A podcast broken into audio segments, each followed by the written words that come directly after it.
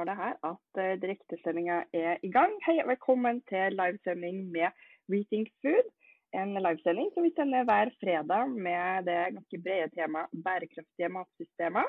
Uh, hvor vi inviterer spennende mennesker inn uh, for å prate med oss, så vi blir litt mer opplyst. I dag har vi da invitert inn prosjektutvikler Elise Sele Dale fra Landmøterhav. Hei på deg.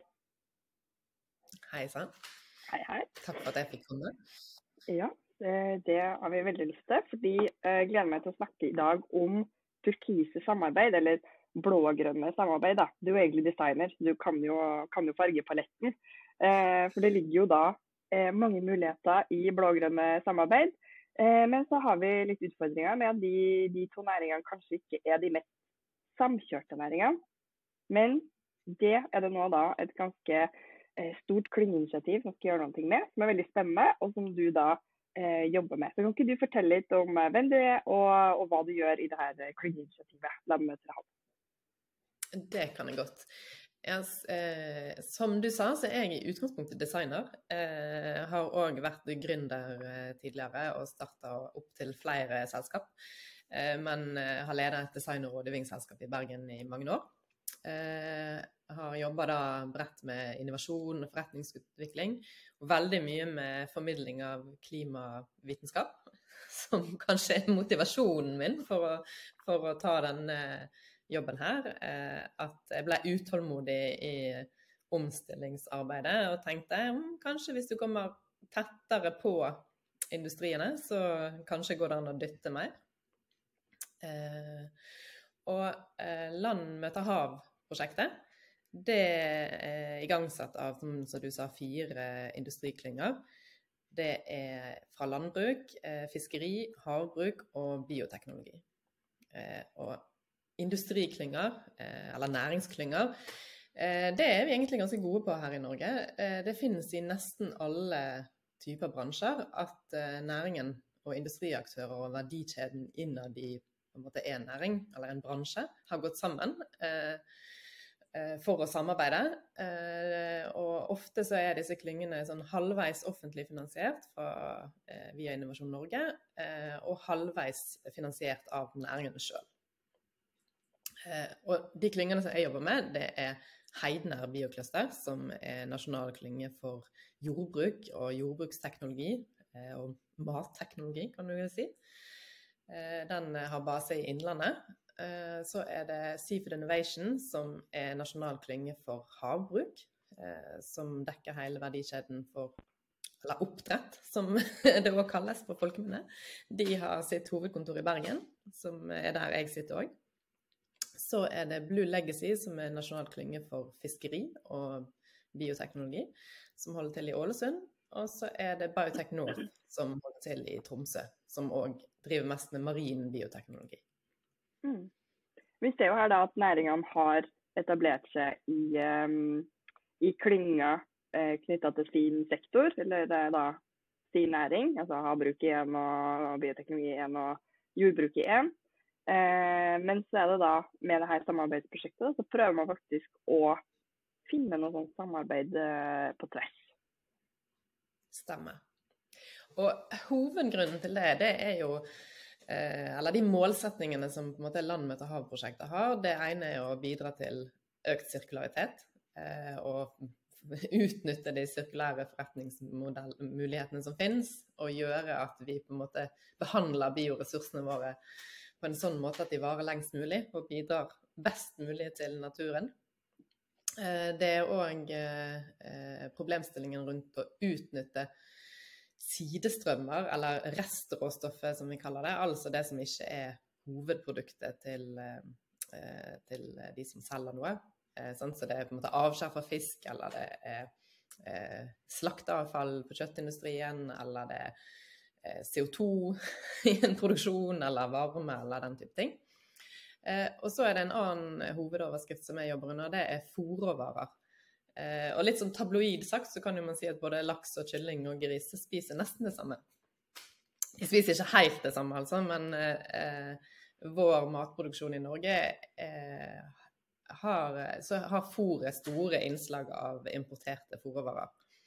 Eh, og dette bidrar til stor andel av klimautslippene for både landdyr og eh, lakseproduksjonen. Så et av målene er jo å finne nye fôrråvarer og mer bærekraftige fôrråvarer til begge disse bransjene. Og dette problemet er jo egentlig helt delt mellom eh, eh jordbruk og havbruk. Mm. Det, det synes jeg er så eh, fascinerende. Det er jo at eh, eh, det er jo begge to næringer som produserer mat, og er skikkelig gode på å produsere mat.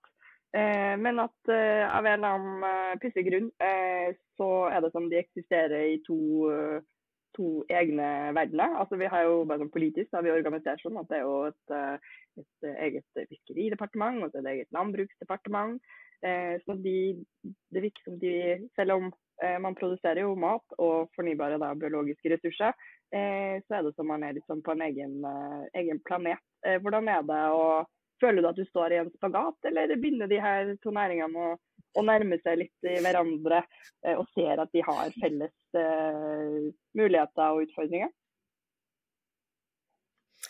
Altså, det er veldig mange eh, måte, aktører inne i disse næringene som ser at de har felles utfordringer og kan hjelpe hverandre. Men det er veldig fascinerende det du sier at når vi som generelt sett snakker om matproduksjon i Norge, så mener vi det som skjer på land. Og så er fiskeri, både det som vi høster fra havet, og havbruk, det som vi dyrker i havet, det er eksport eller industri. Og sånn er det på en måte delt både liksom i hva skal man si, folkeoppfatningen, men det er òg delt sånn i liksom virkemiddelapparatet og måten den er organisert, og litt sånn måten man behandler eh, næringene. Eh, og dette er egentlig ganske sånn artig på en måte å se på, da. Hvor forskjellig liksom, innfallsvinkel vi har til, til eh, de her sektorene på egentlig på alle vis. Og, og hvor forskjellig kultur det er innad i bransjene. Mm. Eh, og altså, hvis vi snakker om matproduksjon, så tror jeg jeg tror egentlig det eh, tallet kommer liksom opp i at mellom 80 og 90% av norsk matproduksjon er blå. Mm. det skjer i havet. Vi spiser den ikke sjøl, da, men eh, så, eh, og det blir ofte sagt og sånne ting om at liksom, matproduksjon er ikke noe vi kan eksportere. Så sånn, ja, vi gjør jo det. ja. liksom noe av det vi eksporterer mest av. Ja. Mm. Eh, så jeg tenker jo at det er absolutt masse ting eh, disse sektorene kan lære av hverandre. Og mm. dra nytte av de fortrinnene som ligger på hver sin side av bordet i, i den omstillingsprosessen som vi skal gjennom. Mm. Men hvilke, hvilke, muligheter er du har identifisert da, når du har sittet med denne problemstillinga? Hvilke muligheter er det som ligger i samme turkise samarbeid? Um, det, altså spesielt dette med å utnytte ting sirkulært, så er veien liksom veldig kort fra sjø til land og fra land til sjø, eh, egentlig. Så det, når vi begynner å se på, på en måte både eh, eh hvilke liksom, næringsstoffer som eh, sirkulerer i de forskjellige sektorene. Jeg tror jeg har sett òg at um, i, um, i, norsk havbruk så slippes det ut eller omtrent like mye fosfor og nitrogen som det jordbruket importerer i kunstgjødsel. At det, det tallet er nesten helt likt. Mm. Så det er jo liksom en sånn soleklar uh, mulighet at klarer vi å høste fosforen og nitrogen fra havet eh, og bruke det igjen på land, så gjør vi jo det om til liksom en fornybar eh, utnyttelse av de mineralene istedenfor fossile. Mm. Eh, så det er jo en det, det, tenker jeg er en litt sånn åpenbar mulighet, som det er veldig mange aktører som jobber med. og det er det er mye som står i veien for at det skal skje. Men eh, det er jo en ting vi må få til, tenker jeg. Mm. Ja, vi har en trainee hos oss i Retail Food som jobber med nettopp denne problemstillinga i masteroppgaven sin. Hvor du ser da hvordan mm. fiskeslam kan eh, brukes til å utnytte gjødselprodukt til, eh, til jordbruket. Eh, så det høres ut som en ganske spennende mulighet som ligger i det. da, Hvordan blå sektor kan være en løsning for, for grønn sektor. Absolutt. Det er òg eh, et, sånn, altså et av de selskapene som håndterer måte, avfall fra havbruksnæringen, de eh, de òg ser på om man klarer å på en måte hente ut eh, fosforen direkte fra slammet, sånn at man kan putte det rett i fôret, og heller ikke engang gå via gjødsel og mm. planten og, mm. eh, og det Om det er den riktige metoden, det, det skal ikke jeg uttale meg om, men det er òg veldig spennende at man eh, Om man kan gjøre det liksom direkte. Mm. Det, det blir spennende. De er ganske aktive på klimatoppmøtet akkurat nå. Eh, for dette her er jo det òg liksom reguleringer som står i veien, eh, som det er måte, europeiske reguleringer som sperrer for. det. Så det er ikke bare opp til oss å sette i gang. på en måte. Mm. Eh, men et annet prosjekt som, eh, som vi har stabla på beina gjennom Landmøtehavet, og som vi har fått eh, midler til, det er et som vi kaller for Blue Muscle Feed. Og det handler nettopp om dette med at fòrråvareproblemstillingen er felles. Og så har vi på en måte òg sett på at altså en av de store utfordringene i havbruk er at de trenger så enorme mengder fôr. Det er liksom én milliard tonn i året. og når de liksom sier sånn eh, Ja, skal vi bruke noen nye fôrråvarer? Så er de sånn Ja da, men vi trenger liksom 20 000 tonn før vi klarer å ta det inn i fabrikken vår.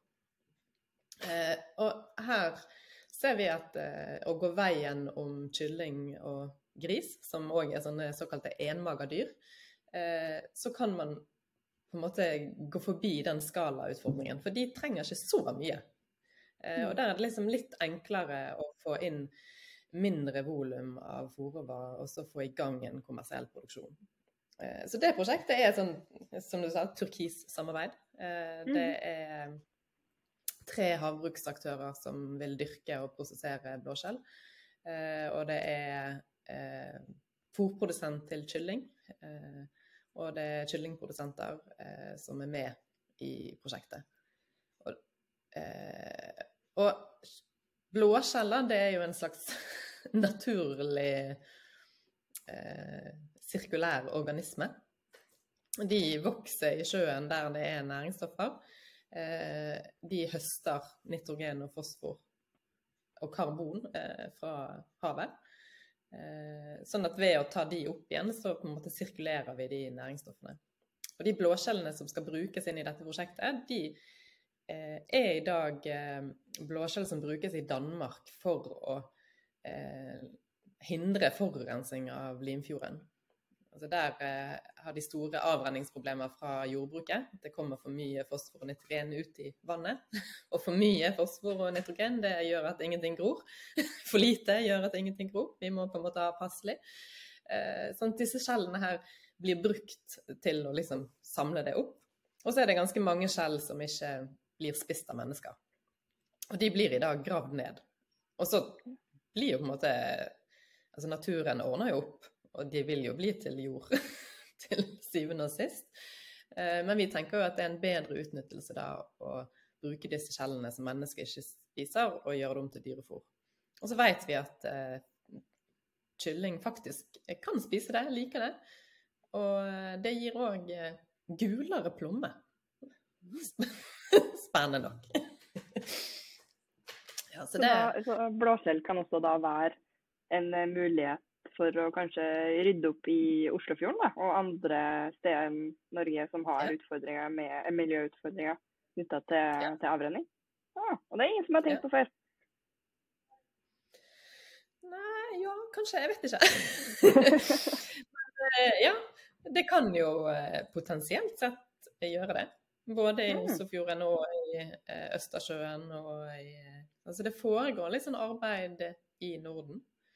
Og så er det jo selvfølgelig, hvis det er mye miljøgifter der de skal brukes til å rense fjorden, så kan jo de ikke brukes til mat. Men hvis det er kun på en måte avrenning eh, som er utfordringen, så kan jo de eh, Så kan man ja, både reparere miljøet og bruke det til fòrvare, som igjen sparer eh, regnskogen, da. Mm, ja, men det er jo fantastisk. Elsker jo sånne løsninger. Det, her, det er i de livesendingene her hvor vi løser det ene problemet etter det andre. Ikke verst. På en fredag formiddag. det er veldig gøy. Og så mm. er det jo veldig gøy å være prosjektutvikler og bare si sånn Sjopp, her har vi prosjektet, nå har dere fått penger, nå må dere ordne det. Ja. Det høres veldig bra ut. Nå har jeg kommet med løsninger her, så nå må dere bare fikse det. Ja. Det, det er jo en god, eh, god, jobb. Men en av de tingene som òg er viktig måte, i eh, prosjekt, det prosjektet der, som òg har gjort at vi har fått midler til det, handler jo òg om at det, det, skal, det potensielt sett kan bygge en ny næring i Norge. Eh, for det at vi tenker at blåskjell gror, vokser det er jo naturlig her, men blåskjell kan vi òg dyrke flere plasser i vårt land. Sånn at vi kan produsere en fôrråvare som da havbruket kan bruke, eller kylling og svin kan bruke her hos oss. Mm. Og vi... tenker jo òg at det er det Nei, unnskyld. Nei, bare fortell. Og så, så, tenker vi jo òg at eh, her er det viktig å samarbeide med de andre skandinaviske landene.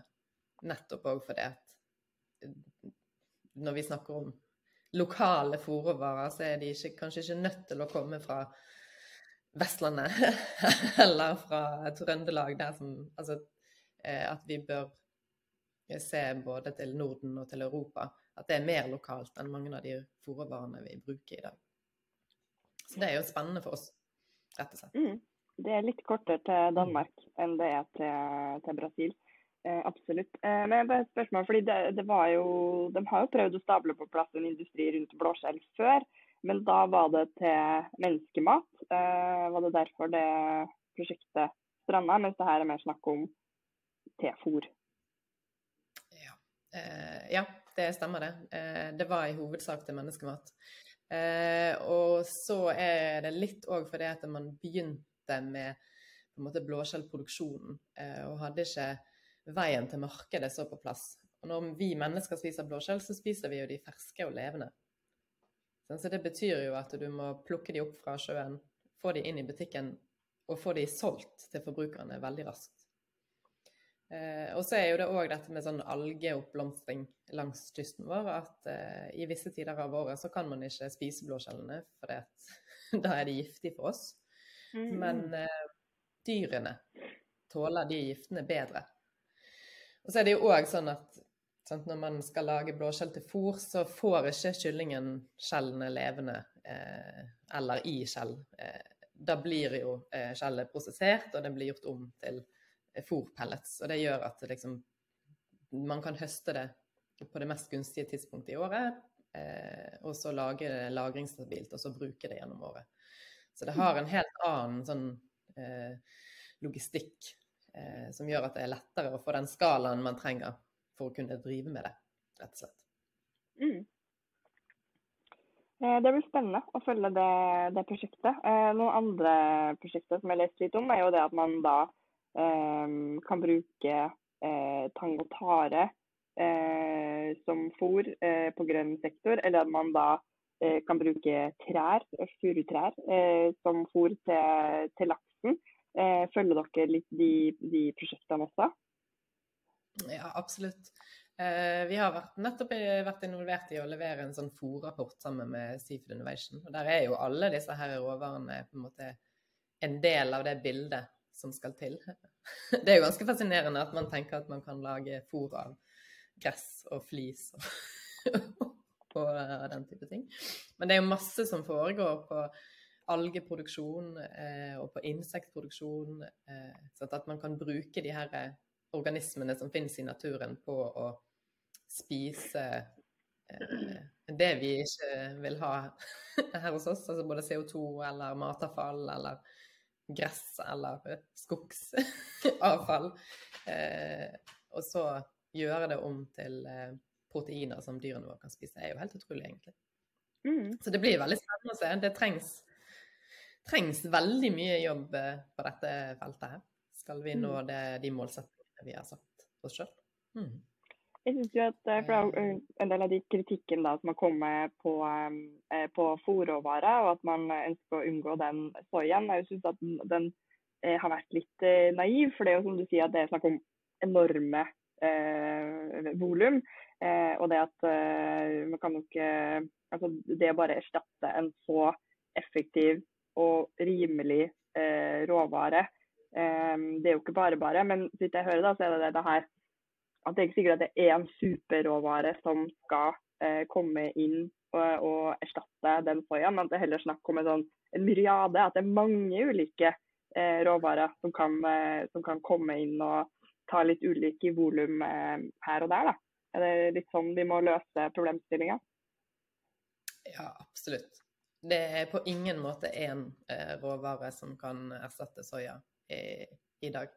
Og det er heller ikke sånn at vi kan tro at bare liksom norskproduserte råvarer kan erstatte de eh, råvarene som er bruk i dag. Altså i dag er jeg tror i dag i havbruket er 0,4% av det som blir brukt, såkalt nye fòrråvarer. Eh, og liksom framskrivingene som nettopp er gjort mot 2030, Eh, med de på en måte planene som ligger i Norge og det man holder på med, og hvis det lykkes, da, eh, så er det likevel liksom Man kommer opp i noen få prosent av, av liksom andelen fôr som trengs. Eh, så det er ganske lett å bli deprimert. For når du ser på tallene, så, så blir det litt sånn Dette her er jo helt umulig. Men det er jo litt på samme måte som med overgangen fra fossil til fornybar energi. Eh, det er en mammutjobb, men eh, man må gjøre det. Og løsningene er sammensatte og mange. Og så er det ganske viktig å tenke at sjøl liksom, altså selv 1% av 1 milliard tonn er ganske stor business. det, det, er næring, det er mange arbeidsplasser. Det er liksom verdt å gjøre, og det er verdt å få til. Eh, så så jeg, eh, jeg velger jo at Altså i mitt hode så, så, kan vi ikke la være.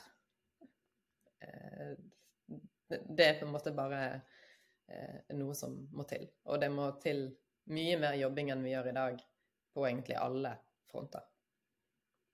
Mm. Men hvordan, hvordan, jobber du da, når du skal få, få blå og grønn sektor til å jobbe sammen og se de her mulighetene. Sitte på kontoret og, og vente på at et opplyst hode skal ringe deg, eller hvordan, hvordan går det frem?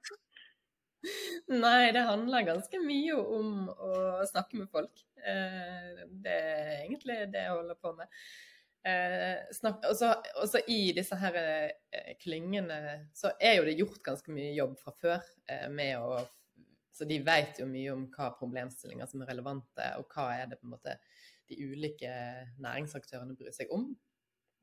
Eh, og så er jo på en måte min rolle å finne eh, på en måte de forskjellige næringsaktørene i de ulike sektorene som egentlig er interessert i det samme problemet. De bare vet ikke at de, de på en måte sitter på hver sin ende av, av en løsning eller av et problem. Så det er på en måte min jobb å finne ut Vise dem at gjennom en sånn type samarbeid så kan vi løse både ditt problem og ditt problem. Eh, det kan gi kanskje mer business for deg, og det kan kanskje forbedre din business. Eh, og hvis vi på en måte klarer å samarbeide, så fordeler vi litt risikoen utover og gjør det egentlig enklere å lykkes. Eh, så av og til pleier jeg å liksom si det rett ut. På en måte er jo jobben min unødvendig. Dere kunne jo bare snakket sammen sjøl. Men men folk flest gjør ikke det. det. det. er veldig mange som sitter på, er opptatt med sin egen jobb. De tenker veldig lure tanker. De tenker at dette burde vi gjort noe med. Eh, dette har jeg egentlig lyst til, men jeg vet ikke hvor jeg skal begynne. Jeg vet ikke hvem jeg skal ringe til. Jeg vet ikke hvordan jeg skal ta tak i det. Eh, så, sånn sett er jeg bare en mellommann. Mm, jeg syns absolutt ikke jobben din er unødvendig. Vi, vi er jo nordmenn, eh, og det var Eh, tidligere mm, direktør i Geno, Sverre Bjørnstad, han er direktør på Innovasjon Norge Innlandet her nå, han forklarte nordmenn sånn at eh, vi er jo da etterkommere av de som overlevde svartedauden, og de som ble igjen og som ikke gadd å dra til Amerika. Så vi, vi er ikke den mest sosiale typen. Vi sitter på hver vår tue. Altså, sånn Bokstavelig talt så, så, så bor vi der ingen skulle tro at noen kunne bo. Eh, så det, liksom det å strekke ut en hånd, eh, det er jo ikke det vi nordmenn gjør eh, mest naturlig. Så jeg tenker jo at det å ha flere som det, sånne koblere som ringer og sier sånn Hei, du, har ikke du et problem med det her? For det kan hende at jeg har en løsning. Kanskje du skal prate med han eller hun? Jeg tror det er det tror jeg er det mest lønnsomme vi gjør, faktisk. Å få folk til å prate sammen og tenke, tenke sammen. Ja, absolutt. Det er absolutt det mest lønnsomme vi gjør. og eh, En annen ting òg er jo det der at eh, nå når vi skal endre oss fra å på en måte ha lineære verdikjeder til å bli mer sirkulære verdikjeder, så er det veldig vanskelig. Altså alt vi, eh, hele, Hvordan vi er satt opp, alt vi gjør i næringslivet stort sett, dreier seg om på en måte å ta hånd om vår egen produksjon, og så outsource resten. Og, og liksom gjøre det vi er gode på. Mens eh, når du skal få til mer sirkularitet, så må du på en måte anerkjenne Eller du skal få hjelpe noen andre i å utnytte det du ikke klarer å bruke sjøl. Så må du liksom vite hvordan de skal gjøre det. Eh, du må kanskje legge til rette for at de skal kunne håndtere eller ta i bruk eh, det som er avfallet ditt. da. Og da må jo du vite måte hvordan du skal gjøre det. Og så er det noe med at dette ligger jo litt sånn litt på siden av det du driver med til vanlig, det som er hovedoppgavene dine. Så det blir nedprioritert. Og selv om man tenker sånn Altså ja, Et av de største prosessanleggene på Vestlandet, eh, som er Equinor sitt anlegg på Mokkenstad, det har massevis av restvarme. Og det har det hatt i årevis. Og det er kjempemange som har tenkt sånn at det burde vi jo gjøre noe med. Men vi har ikke, de har ikke klart å gjøre noe med det ennå. Nå er det et prosjekt på gang for å måte, utnytte det bedre. Men men det sier noe liksom at selv sånne, sånne enorme, store sidestrømmer, eh, som egentlig ligger helt i dagen, og mange vet om, klarer man likevel ikke liksom, å ta tak i. Og da er det jo mye vanskeligere med små, som man ikke engang kanskje vet at kan være nyttig for andre. Mm. Eh, og her tror jeg det liksom er enda viktigere med sånne typer mellommenn som meg og andre, som kan hjelpe og eh, vise hva som skal til, eh, få på plass hva som mangler av forskning, eller eh, regne på business-casene. For det er liksom en litt sånn erkjennelse at med en gang business-caset er soleklart, med en gang det er veldig tydelig for aktørene at oi, her er det, her er det store verdier vi kan eh, ta tak i, så ordner det seg sjøl. altså da, eh, da eh, trenger ikke de sånne mellommenn som jeg lenger. Men fram til det, så, så, trenger man dytt, rett og slett. Jeg tenker at Det må jo egentlig være ganske morsomt. Det, da. Du sitter og pusler for deg sjøl, og så tenker du ikke over at du har en hel haug med restråstoff som du tidligere kanskje til må betale for å bli kvitt. Og så får du en telefon mm. fra noen som sier sånn Du, den der raske rasket ditt som du betaler tre millioner for å bli kvitt hvert år, det vil jeg kjøpe, det vil jeg bruke til noe. Det må jo, man må bli litt sånn gira av at, at det kan være muligheter i det. Ja, det, folk blir det. Og det er jo kanskje det som er litt sånn eh, eh, gøy med en, gang nå, altså med en gang man snakker om sirkulære forretningsmodeller, istedenfor å bare snakke om eh, at det er bærekraftsutfordringen vi skal løse. Eh, altså det er noe med at man bruker liksom business-språket på å eh, finne verktøyene til hvordan man skal løse det. Eh, som jeg iallfall opplever mange ganger gjør at det er kortere vei til at eh, næringslivsledere og finansdirektører eh, liksom får det litt inn i blodet. Bare 'Å ja, dette er faktisk en måte.' Så er ikke det liksom lenger sånn at du bare skal gjøre miljøvennlige ting fordi at eh, det er rett. Eh, og litt denne myten fordi at det er dyrt. Plutselig så mm. får du liksom et verktøy til å finne sånn Oi, det er faktisk ikke dyrt. det gir inntekt. Eh, og da, da, får man litt andre insentiver for å gjøre det, rett og slett. Ja, det er jo eh, det som er grunnlaget, eller derfor vi starta Beating Food, det var nettopp det at vi er nødt til å snakke mulighetsorientert eh, om eh, det å skal eh, endre verden, eller bli et lavutslippssamfunn eller løse bærekraftsutfordringer. Hvis du bare skal komme med krav og, og kjeft, så er det jo ingen som gidder å gjøre det. Men det må jo det må jo ligge muligheter i det. Du må, du må gjøre det lønnsomt for at folk skal ha lyst til å være med på en sånn, eh, på en sånn reise. Så det, eh, det, tror jeg er kjempeviktig. At eh, vi faktisk også klarer å få business på de her nye løsningene. At det ikke er noe vi må gjøre, men noe vi har lyst til å gjøre. Absolutt. Altså jeg tenker jo dette òg er en litt sånn myte. Det er mange som sier sånn å, bærekraftstiltakene, men det, vi trenger støtte, for det er ulønnsomt. Det er bare dyrt. Og så ligger gjerne på en måte bærekraftsansvaret i type markedsavdeling eller kommunikasjonsavdeling, så det handler liksom mer om omdømme og, og eller i ESG-rapportering. Det ligger ikke hos finansdirektøren eller økonomiavdelingen.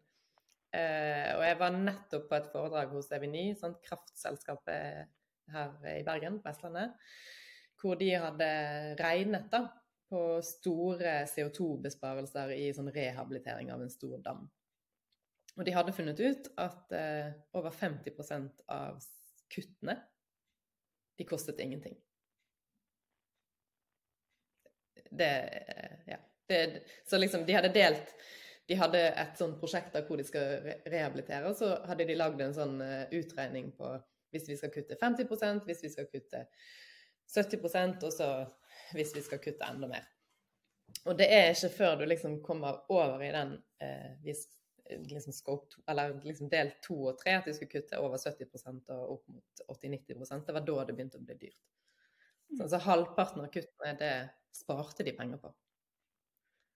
Og dette tror jeg er ganske gjengs. Eh, at det handler om at ikke det har blitt regnet så mye på. At man har ikke engang eh, Man har på en måte ikke sett så nøye på hva det er som skal til, eh, og, og, hvordan det slår ut. Mm. Så det er veldig gøy å se at det endelig er begynt å skje. Mm.